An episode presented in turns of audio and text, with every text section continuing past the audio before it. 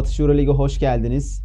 Euroleague'de çift maç haftasını geride bıraktık. Sevgili Mete Akkaş abiyle yine beraberiz. Abi hoş geldin. Hoş bulduk Ercim. Nispeten aslında iyi bir haftayı geride bıraktık diyebiliriz. Fenerbahçe Beko ile başlayalım. Haftayı 2'de 2'de kapattık. Tabii.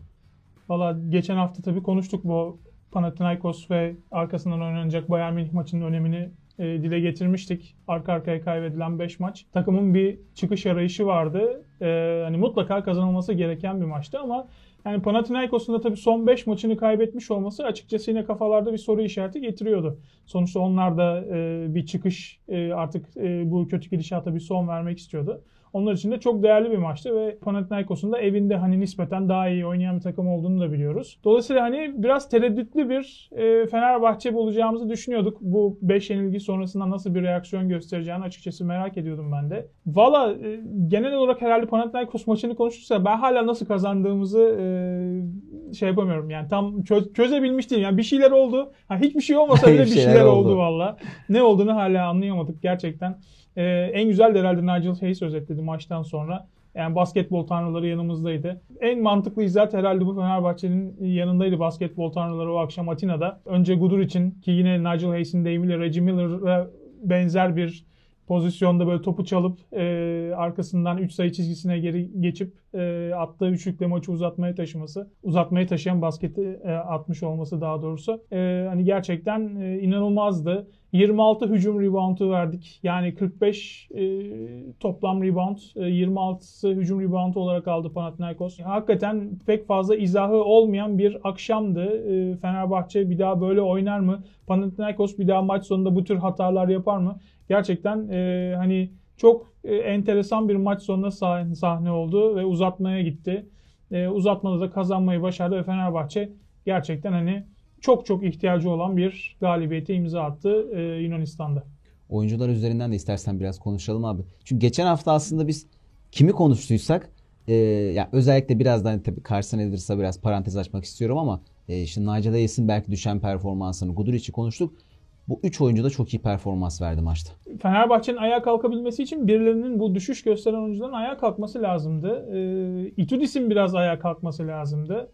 E, hepsi aynı anda ayağa kalkınca, e, takım bir araya gelince e, bu zorlu atmosferden, zorlu şartlardan, biraz da kendilerinin neden olduğu bu zorlu ortamdan çıkmayı başardılar. Yani Carson Edwards'la ilgili geçen hafta çok açık konuştuk burada. Yani Itudis bir yol ayrımında ve e, Carson Edwards'la ilgili bir karar vermesi lazım demiştim. Yani Carson Edwards rotasyonun bir parçası haline getirecek mi? Bu oyuncuyu e, bu kadroda verim verebilen bir oyuncu haline getirecek mi? Yoksa onu tamamen devre dışı mı bırakacak? Çünkü bu şekilde Carson Edwards oynayamıyor. Yani ne Carson Edwards verim alabiliyor ne Fenerbahçe verim alabiliyor. Ee, hani ortada ciddi bir sorun e, haline gelen, fazla da kimsenin konuşmadığı ama ismi konulmamış bir sorun olarak ortadaydı. Ee, Carson Edwards'a bu maçta daha fazla görev verdi. Belki de vermek zorunda kaldı. E, çünkü Panathinaikos'u çözmek için yani gördük yani mutlaka şut sokabilen, sorumluluk alabilen bir oyuncuya ihtiyacı vardı. Ve Carson Edwards o kilidi açan, o takımı daha doğrusu ateşleyen isimlerden biri oldu. Başında geldi. Gerçekten çok iyi bir oyun ortaya koydu. 23 dakika sahada kaldı. 14 sayı, 5'te 3, 2 sayı, 2'de 2, 3 sayı, 2 rebound, 1 asist, 1 top çalmayla gerçekten e, Fenerbahçe'nin o e, sönen ateşini bir kez daha alevlendiren isim oldu. Ve tabii Nigel Hayes. Nigel Hayes'i haftalardır burada konuşuyoruz. Onun performansını düşünün. Fenerbahçe'nin de kayıplarıyla, yani kayıplarında önemli rol oynadığını belirtmiştik. Çünkü Fenerbahçe'nin çıkışında Nigel Hayes yine ana parçalardan biriydi getirdiği dinamizmiyle. Hani Joker oyuncu olarak gerçekten e, accuracy diyebileceğimiz e, Dechampierre'le birlikte gerçekten Fenerbahçe'nin o e, galibiyet serisinde ve 12 haftada 10 galibiyet almasında önemli rol sahiplerinden biriydi. Ama o da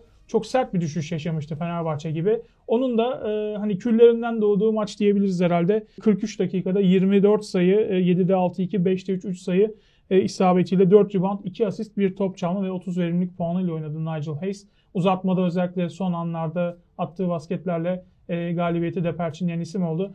Yani bu iki oyuncu özellikle gerçekten e, Carson Edwards ve Nigel Hayes'in performansı çok özeldi. Fenerbahçe'nin çok ihtiyacı vardı. Marco Guduric yine yani şimdi bu takımda hep biz oyun kurucu ihtiyacından bahsediyoruz. Ee, Ituris'in de ikinci tercihi oluyor. Yani Kalates'i dinlendirdiği zaman veya e, zaman zaman işte Marco Guduric'i point guard olarak oynatıyor. Zaman zaman hatalar yapıyor ama bu maç özelinde yaptığı hataları işte o e, birbirinden attığı kritik basketlerle telafi etmeyi başardı. Yani o üçlük hakikaten onu orada e, paniklemeden akıl etmesi. Çünkü biliyorsun bu sezon Fenerbahçe böyle kırılma anlarında bazen iki sayıya ihtiyacı oldu, e, üç sayıya ihtiyacı olduğu yerde iki sayıya gitti falan böyle akıl tutulması yaşadığı maçlar da olmuştu. Yani son topta yine Panathinaikos'a bu arada bir fırsat geldi. Yani orada yine iki tane hücum reboundu verdik. E, ama Panathinaikos değerlendiremedi o iki fırsatı da. Maç uzadı. Uzatmada da e, hem biraz daha Fenerbahçe diri kalmayı başardı e, hem de daha fazla isteyen takım oldu. Bir de o momentumu yakaladı Fenerbahçe. Yani Panathinaikos'un gazı kaçtı diyebiliriz uzatma bölümünde. Fenerbahçe'de orada artık son darbeyi vurmayı başardı. E, çok değerli bir galibiyetle İstanbul'a döndüler. Ki böyle maçlarda geriden gelen takım daima aslında avantajlıdır. E, daha psikolojik üstünlüğü el alır. Dönüşünde bir Bayern maçı var. Panathinaikos maçının galibiyetinin anlamlı hale gelmesi için Bayern maçından evet e, kesin galibiyetle ayrılmak gerekiyordu. Zaman zaman maçı elimizde aslında e, çok rahat alacağımız maçı biraz zora soktuk gibi ama Bayern maçını nasıl değerlendirirsin? Bu haftanın özetlerinden biri Türk takımları için. Yani kazanabilecekleri maçı zora sokmaları Fenerbahçe Bayern Münih maçını işte Anadolu Efes'te ve Barcelona deplasmanında e, çok rahat bitirebileceği bir maçı krize soktu. Hani Fenerbahçe Bayern Münih karşısında kazanabileceği bir maçı son çeyrekte zora soktu. Aynı şekilde Anadolu Efes'te yine Barcelona karşısında son çeyrekte rölantide götürüp e, son belki Barcelona'nın çabasını e, orada boşa çıkartabilirdi ama Barcelona'ya karşı son çeyrekte e, hani e, rakibini bir kez daha e, orada havaya soktu. Neyse ki bir sıkıntı olmadan İstanbul'a dönmeyi başardılar galibiyetle. Fenerbahçe'nin Panathinaikos deplasmanında kazandığı e, galibiyetin bir anlam taşıyabilmesi için, daha fazla anlam e, kazanabilmesi için senin de bahsettiğin gibi mutlaka Bayern Münih maçını kazanmak gerekiyordu. Nitekim kazanmayı başardılar. İlk üç çeyrekte gerçekten çok etkili bir Fenerbahçe vardı. En büyük kilit neydi? reboundlardaki hakimiyet. Yani Panathinaikos maçı sonrasında oyuncular herhalde e, Itudis hepsini tahtaya kaldırıp e, hücum reboundu vermeyeceğim, hücum reboundu vermeyeceğim diye hepsini her birine yazdırdı herhalde. Hücum reboundlarını tamamen kontrol etti Fenerbahçe. 16 hücum reboundu aldı. Rakibine 3 hücum reboundu verdi. Ki Bayern Münih ligin en fazla hücum reboundu alan 3. takım bu arada. Onları 3 e, hücum reboundu tutmayı başarmak gerçekten önemliydi. Maçın da anahtarı oldu. E, tabii Jonathan Motley'nin çok üstün bir performansı vardı ki haftanın da MVP'si seçildi. E, müthiş bir gayretle e, sahadaydı yine. Sağın her iki ucunda Fenerbahçe'nin e, en değerli ismiydi. Carson Edwards yine e, ilk yarıda özellikle etkili bir oyun ortaya koydu. Son çeyrekte yine işte o Itudis zaman zaman bu işleyen düzeni, işleyen parçaları e, hani hepsini birden kenara alıyor. Bir anda çok e, rotasyonda temelden bir değişikliğe gittiği zaman Fenerbahçe burada bocalayabiliyor. Nitekim e, Bayern maçında da böyle oldu son çeyrekte. E, hani birkaç oyuncuyu tutmak yerine o işleyen düzenden tamamını böyle e, hepsini birden çıkartınca kısa bir süre içinde Fenerbahçe orada biraz bocaladı. E, farkın da kapanmasına neden oldu. E, ama yine maçın sonunda e, bir şekilde kazanmayı başardı Sarı Lacivertler ve dediğim gibi yani bu e, kritik çift maç haftasını iki galibiyetle kapatmak çok değerliydi. Arka arkaya gelen 5 yenilgi sonrası takım e, toparlanma sinyalleri e, veriyor. E, taraftara da bir umut vermiş vaziyette bu e, çift maç haftasındaki performanslar. Biraz da istatistiklere bakalım istersen abi Bayern maçıyla alakalı. Hem takım hem oyuncu istatistikleri üzerinden de biraz yorumlayabiliriz. Dediğim gibi yani burada en kilit istatistik e, reboundlar. 44-25 Fenerbahçe reboundlarda üstünlük kurdu. 16-3 e, hücum reboundları. İkinci şans sayılarında yine 13-0 Fenerbahçe üstünlüğü vardı. E, bir diğer e, kilit istatistikte Bayern Münih'i dış atışlarda çok e, sınırlandırmasıydı. İyi bir dış savunma gösterdi Fenerbahçe ve %25 gibi çok düşük bir e, isabeti tuttu Bayern'e. E, bunlar kilit istatistiklerde maç açısından. Tabi e, bireysel anlamda da işte dediğim gibi Jonathan Motley e, haftanın MVP'si seçildi zaten Euroleague'de performansıyla. Jonathan Motley 22 sayı, 17 rebound, 1 asist ve müthiş bir performans gerçekten sahanın her iki ucunda da. E, haftanın MVP'sini hakkıyla aldı diyebiliriz. E, Jonathan Motley Fenerbahçe içinde ne kadar değerli olduğunu zaten olmadığı dönemde görmüştük ama sahada e, sahada getirdikleri e, hakikaten olağanüstü. Bu sezon herhalde EuroLeague'de beklentileri en çok aşan oyuncu. Yani Fenerbahçeliler tabii özellikle Yan Veseli ile yollar ayrıldıktan sonra hani Veseli tabii bu kulübe çok şey kattı Fenerbahçe'nin başarılarında altında çok fazla imzası olan bir isim şampiyonlukta keza. E, ama artık e, ayrılma vakti gelmişti gerçekten. Ama Jonathan Motley acaba e, Yan Veseli'nin bıraktığı boşluğu doldurabilecek mi e, gibi çok e, endişeler vardı. E, şu ana kadarki performansıyla hiçbir soru işareti bırakmadı diyebiliriz herhalde. Bu sezon hani bir 5 yapsan EuroLeague'in ilk 5'i e, mutlaka Jonathan Motley olur o 5'te. Çok beklentilerin üstünde bir performans abi. Bir de yani Veseli'nin aslında e, oynadığı süre içerisindeki takımla Motti'nin oynadığı takım arasında da fark var. Veseli'de hem zamanla oturmuş bir kadro vardı. Bu kadar sirkülasyonun olmadığı bir kadroda. Evet Veseli çok başarılı oldu ama Motti ilk senesinde e, gerçekten ve henüz aslında ik- ikamesi de yok. Yani. Yok yani Costa Antetokounmpo evet Motley'nin yerini hani onu yedekleyecek oyuncu olarak alındı ama yani çok ham bir oyuncu Costa Antetokounmpo. Evet çok atletik bir oyuncu. Zaman zaman görüyoruz işte inanılmaz atletik hareketler yapabiliyor smaçlarla, bloklarla ama e, basketbol bilgisi henüz biraz daha gelişim kaydetmesi gereken bir oyuncu. Potansiyelli bir oyuncu ama şu anda farklı yani tam böyle e, Motley'nin yerini doldurabilecek hani e, rahat gönül rahatlığıyla ona çok fazla sürebileceğiniz bir oyuncu değil gibi duruyor şu anda e, Costa Antetokounmpo. Önümüzde bir Monaco maçı var abi. İki takım da 12 galibiyet, 7 mağlubiyet. Aslında evet. bu sene hani çok konuştuk bunu ama Eurolig'in e, ne kadar e, kalburüstü takımlardan oluştuğunu görebiliyoruz. Bu galibiyet ve mağlubiyet sayılarının eşitliğiyle beraber e, şimdi yine içeride Monaco karşılaşması. Yine çok kritik bir karşılaşma tabii. Yani işte 12 galibiyetli şu anda 3-4 takım var. Hani Fenerbahçe şu anda 4. sırada ama bir yenilgiyle birkaç basamak altı düşebilir Sarı Lacivertler. E, Monaco'da şu anda işte geçtiğimiz hafta çift maç haftasında onlar da Olympiakos'u yendiler iç sahada 64-60'tı ki çok iyi bir ikinci yarıda özellikle e, savunma performansı gösterdiler. E, ama arkasından Kızılyıldız karşısında ilk yarıdan e, çok farklı geriye düştüler. 25-30 sayılarda bir fark oldu ilk yarıda. E, bir daha da oradan toparlayamadılar zaten. Farklı kaybettiler. Zaten e, baktığımız zaman e, son 3 deplasman maçını kaybetti Monaco. Milano'ya 79-71, Panathinaikos'a 180 ve işte bahsettiğim gibi Kızılyıldız'a da son maçta 94-68 kaybettiler. Yani son 3 deplasman maçını ortalama 20 sayı farkla kaybetmiş bir Monaco'dan bahsediyoruz. Yani evinden uzakta oldukça bocalayan bir takım var. Fransa'daki maçı hatırlarsın 96-93 kazanmıştı Fenerbahçe. Orada da yine 3 çeyrek özellikle çok etkili bir Fenerbahçe vardı. Yani Bayern Münih maçının bir benzeri daha az skorlusu olarak geçen bir maç vardı. 3 çeyrek Fenerbahçe üstünlüğü vardı. Son çeyrekte yine Itudis'in rotasyona gitmesiyle biraz da işte o farkın 20'lere gelmesiyle bir rehavet ortaya gelmişti. E, Monaco gibi hücum silahları olan bir takım da bunu çok iyi değerlendirip e, 33-15'lik bir seriyle farkı bir sayıya kadar getirmişti. E, maçı hatta e, kazanma şansını da yakalamışlardı ama son topu değerlendirememişlerdi.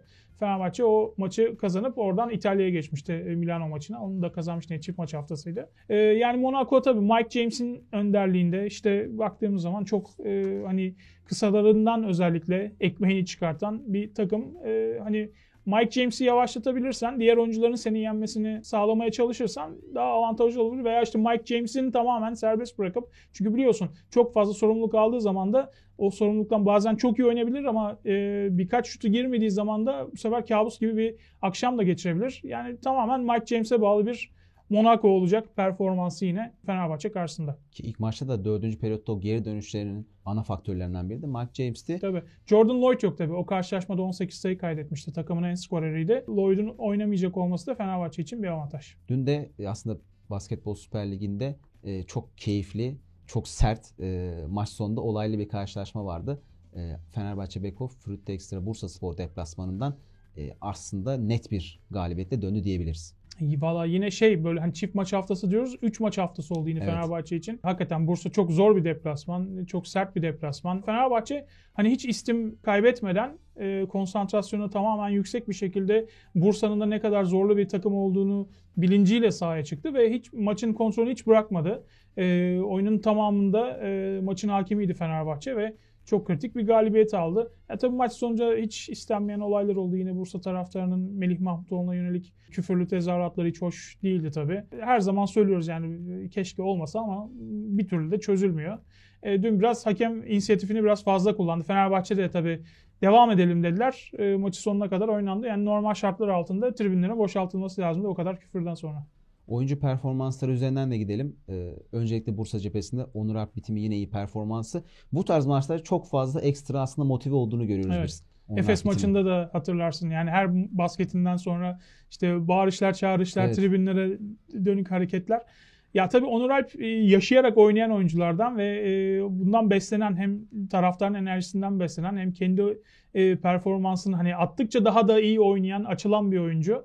E, dün de yine e, Bursa'nın iyi oyuncularından biriydi ama özellikle Needham'dan e, yeterli desteği de alamadı. Andrews'tan yine destek alamadı. Her parça işlemeyince de Fenerbahçe gibi bir takım e, her ne kadar dar bir rotasyonla oynasa da 10 kişiyle oynadı. E, ama e, işte süre alan Metecan olsun, Şehmuz olsun, Melih Mahmutoğlu aldıkları süreleri çok iyi değerlendirdiler. Ve dediğim gibi Fenerbahçe hiçbir sıkıntı yaşamadan e, galibiyetle ayrıldı Bursa'dan. Ki onun dışında yine aslında e, Euroleague'de çok fazla süre alan e, Nigel Hayes ve Scottie Wilbeck'in de çok Evet, etkili performansları var ki Doğru. Wilbeck'in Yani özellikle Wilbeck'in özellikle yani sekans e, müthiş yakaladı, oynadı. evet. Yani e, hem hem disiplin çerçevesinde oynadı. Hiç oyun şeyinden e, Itudis'in düzeninden çıkmadı. E, düzen içinde bulduğu sayılarla hani Bursa'ya hakikaten e, her biri hançer niteliğinde üçlükler attı. E, çok kritikti Wilbeck'in de performansları. çok keyifli bir maçtı. İstersen yavaştan Anadolu Efes tarafına geçiş Geçelim. yapalım abi. E, Valencia maçıyla başlayalım.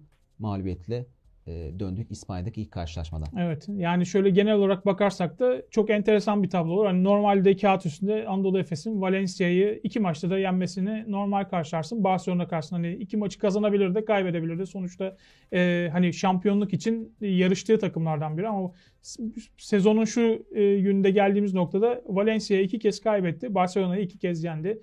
E, enteresan bir tablo var e, Anadolu Efes açısından. Yani e, hem e, en kötüyü hem en güzelini yaşattı Anadolu Efes iki maçta. Hani Valencia karşısında çok eksiği vardı. Bu arada biz geçen hafta saydık ama o, o yani biz konuştuktan sonra e, o bahsettiğimiz kilit oyuncuların hepsi sakatlandı. Devre dışı kaldı. Bir anda Valencia Anadolu Efes maçına 6 eksikle çıktı. Hani normal şartlar altında Anadolu Efes'in hani işte e, çok rahat belki kazanabileceği bir maçtı ama hani Efes hiçbir şey ortaya koyamadı maçta. Yani e, ne efor anlamında ne e, istek anlamında E, yani Anadolu Efes 3 çeyrek idare etti. Buna rağmen e, son çeyrekte 4 sayı önde girdi ama son çeyrekte Valencia e, yani bu kadar eksiğine rağmen gerçekten bir kez daha alkışlamak lazım. Hem oyuncuları hem de e, koç Alex Mumru'yu. Gerçekten çok iyi bir coaching vardı kenarda da. Yani hem oyunculara e, oyuncular oyunculara üstünlük kurdu. Mumru da e, kenarda Ergin Ataman'a üstünlük kurdu son çeyrekte özellikle. Yani o kısa beşe dönmesi, Dubljević'den vazgeçip kısa beşe daha işte Anadolu Efes'in çünkü switch savunmasında e, e, Valencia switch savunmasına karşı Anadolu Efes'in hücum edemeyeceğini edemediğini görünce böyle kısa daha atletik e, bir beşe döndü switch savunmasına. E, ve Efes hiç hücum edemedi. Tamamen kilitlendi. Yani birkaç hafta önce hatırlarsın bir Maccabi maçı vardı. 23 yıllık son çeyrek. E, yine benzer bir son çeyrek performansı vardı. E, hiçbir şey işlemedi. Dış atışlar girmedi. Ve kazanması gereken bir maçı 81-71 kaybetti. Valencia 34'te 15, %44.1 ile 3 sayı çizgisinden oynadı. Anadolu Efes %25'te kaldı. 32'de 8 ile. E, Vasile Mitsic yine e, gününde değildi. 11 sayı, 6 rebound, 5 asisti vardı ama 5'te e, yine top kaybı vardı. E, işte keza baktığımız zaman e, Will Clyburn yine 15 sayı üretti ama çok verimli bir 15 sayı değildi. E, yani hiçbir şey işlemedi o maçta Anadolu Efes cephesinde. Ya ben biraz da onu e, hep konuşuyoruz Anadolu Efes'te hani kilit oyunculara ne kadar fazla yük bindiğini. Hatırlarsın geçen haftaki programda yani Türk Telekom maçında ki Clyburn'un bu arada omzunda bir sakatlık vardı. Hani Clyburn işte e, Dunstan, e, Mitsic hepsi 35 dakikanın üstünde süre aldılar. Yani onun da biraz yorgunluğu belki e, oyuncuları olumsuz olarak etkilemiş olabilir e, Valencia karşısında ama 48 saat sonra bambaşka bir Anadolu Efes gördük Barcelona karşısında. Çok yüzdeli oynayan, çok iyi savunma yapan, Barcelona'yı e, tamamen paralize eden bir Anadolu Efes gördük. O şampiyonluk kalibresindeki, o şampiyonluk hüviyetini ortaya koyan bir Anadolu Efes gördük. Medyada yani birkaç yazı okudum. Daha doğrusu işte hani programda da dinledim. Ee, hani Anadolu Efes maç mı seçiyor diye. Ya ben sezonun yani bu normal sezonun ne kadar başa baş gittiği ortada. Takımların güç dengesinin ne kadar ortada olduğu, çok birbirine yakın olduğu bir sezon yaşıyoruz. Ya ben hiç sanmıyorum Anadolu Efes'li oyuncuların bu kadar e, önemli profesyonellerin e, maç seçecek e, bir yapıda olduğunu hiç sanmıyorum. Yani öyle bir sezon geçirmiyoruz. Hani belki takımlar arasındaki güç dengesinin bazı açık olduğu sezonlar oldu. Yani oralarda belki evet maç seçilebilir. Hani şurada biraz daha ense yapalım nasıl kazanırız diye düşündükleri sezonlar olmuş olabilir, maçlar olmuş olabilir ama bu öyle bir sezon değil. Anadolu Efes'te hani bir iki yenilginin ne kadar e, sonuçlarının ağır olacağının bilincinde bunu yaşadı da hala daha da yani sonuçta e, durumda kritik bir yerde. Dolayısıyla ben maç seçmekten ziyade bu hani bazen oyuncular gününde olmayabilir. Aynı şekilde antrenörler de gününde olmayabilir. E, ikisinin kombinasyonuysa e, gerçekten feci sonuçlara neden olabiliyor. Valencia karşısında da böyle bir yol kazası olduğunu düşünüyorum. E, Barcelona karşısındaysa takım gerçekten 3 çeyrek harika oynadı. Son çeyrekte yine işte Barcelona e, çok önemli bir seriyle farkı kapatmayı başardı ama e, Efes galibiyete de inanmıştı. Özellikle Shane Larkin ki zaten Barcelona karşısında e, Efes formasıyla kariyer ortalaması 20.1 işte hatırlıyorsun bir 36 sayılık falan böyle bir performanslarını. Larkin gerçekten çok iyi oynadı. E, maçın da kilidini açan isimde e, çok kritik bir galibiyet aldı. Onda da Efes e, moral veren bir galibiyet oldu. Özellikle Valencia deplasmanından sonra Valencia yenilgisinden sonra. Aslında en önemli taraflardan bir dediğin gibi abi Larkin'in dönüşü hem Valencia maçında hem Barcelona maçında çok iyi oynaması ve hani çift taneye ulaşması Anadolu Efes adına önümüzdeki hafta içinde belki e, çok olumlu bir taraf olarak bakabilir. Singleton da ilk dakikalarını aldı bu evet, arada. Yani Valencia karşısında iyi bir oyun ortaya koymadı ama Barcelona maçında hani belki istatistiksel anlamda böyle çok göze batan bir e, performans yok ama sahaya getirdiği sertlik, e, liderlik vasıfları bence çok değerli. E, yani ben de eleştirdim geçen hafta biliyorsun Singleton transferiyle ilgili hala eleştirilerimde söz konusu ama Singleton tarzı bir oyuncuya da ihtiyacı olduğu zaten açıktı. Ama Singleton 7 aydır oynamamış bir topçu olarak nasıl bir performans gösterecekti, nasıl bir fiziksel kondisyonda e, onu görecektik. Yani en büyük soru işareti buydu benim açımdan. Ama gördük ki gayet iyi bakmış kendine.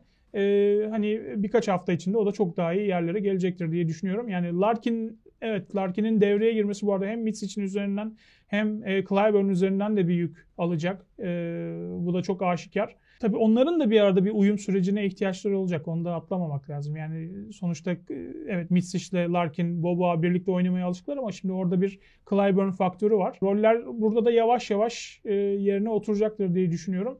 E, ama çok kritik bir dönemeci döndü Anadolu Efes bu e, Barcelona galibiyetiyle. Sonuçta bir de şampiyonluk için en güçlü rakiplerinden birini yendin. Her zaman için bu e, bir de iki kez yendin. İstanbul'da da yendin. Her zaman için moral motivasyon anlamında seni bir kademe yukarı çıkartacak galibiyetlerdir bu tür galibiyetler. Dolayısıyla e, Valencia ilgisine rağmen iyi bir hafta oldu diyebiliriz herhalde Anadolu Efes için. Şimdi çok e, değerli aslında bir karşılaşma daha oynayacak en azından üst sıralarla arayı açmama adına Bayern Münih karşılaşması evet. abi. O maçı da biraz konuşalım istersen. Valla Bayern Münih zaten gördük Fenerbahçe karşısında. Hafta sonunda Ludwigsburg'a çok farklı yeniler onlar da Almanya Ligi'nde. 96-68. Yani e, dış sahada çok zorlanıyorlar. Son 5 e, dış saha maçını kaybettiler. Ortalama 7.6 sayı fark yediler. Yani bu 5 yenilginin ortak noktası nedir diye sorarsan dış atışlardaki verimsizliği. Yani Fenerbahçe maçında işte %25 ile kaldılar. Bu 5 yenilgiye baktığın zaman hani %28,5 normalde hani bu yenilgileri çıkarttığın zaman %39-40 bandında atan bir takım. Ee, ama bu son 5 e, maçlık dış yenilgi serisinde, dış saha yenilgi serisinde %28,5'da kalıyorlar. E, dolayısıyla yine Bayern'in dış atışlarını e, sınırlamak çok önemli olacak. Dış alan savunması yine çok önemli olacak Anadolu Efes için. Peki abi eklemek istediğim bir şey var mı? Teşekkür ediyorum. Biz teşekkür ederiz. Ağzına sağlık. Bu hafta da Hava Atışı Euroleague e, kısmıyla sizlerle birlikte olduk. Önümüzdeki hafta görüşmek üzere. Hoşçakalın. Hoşçakalın.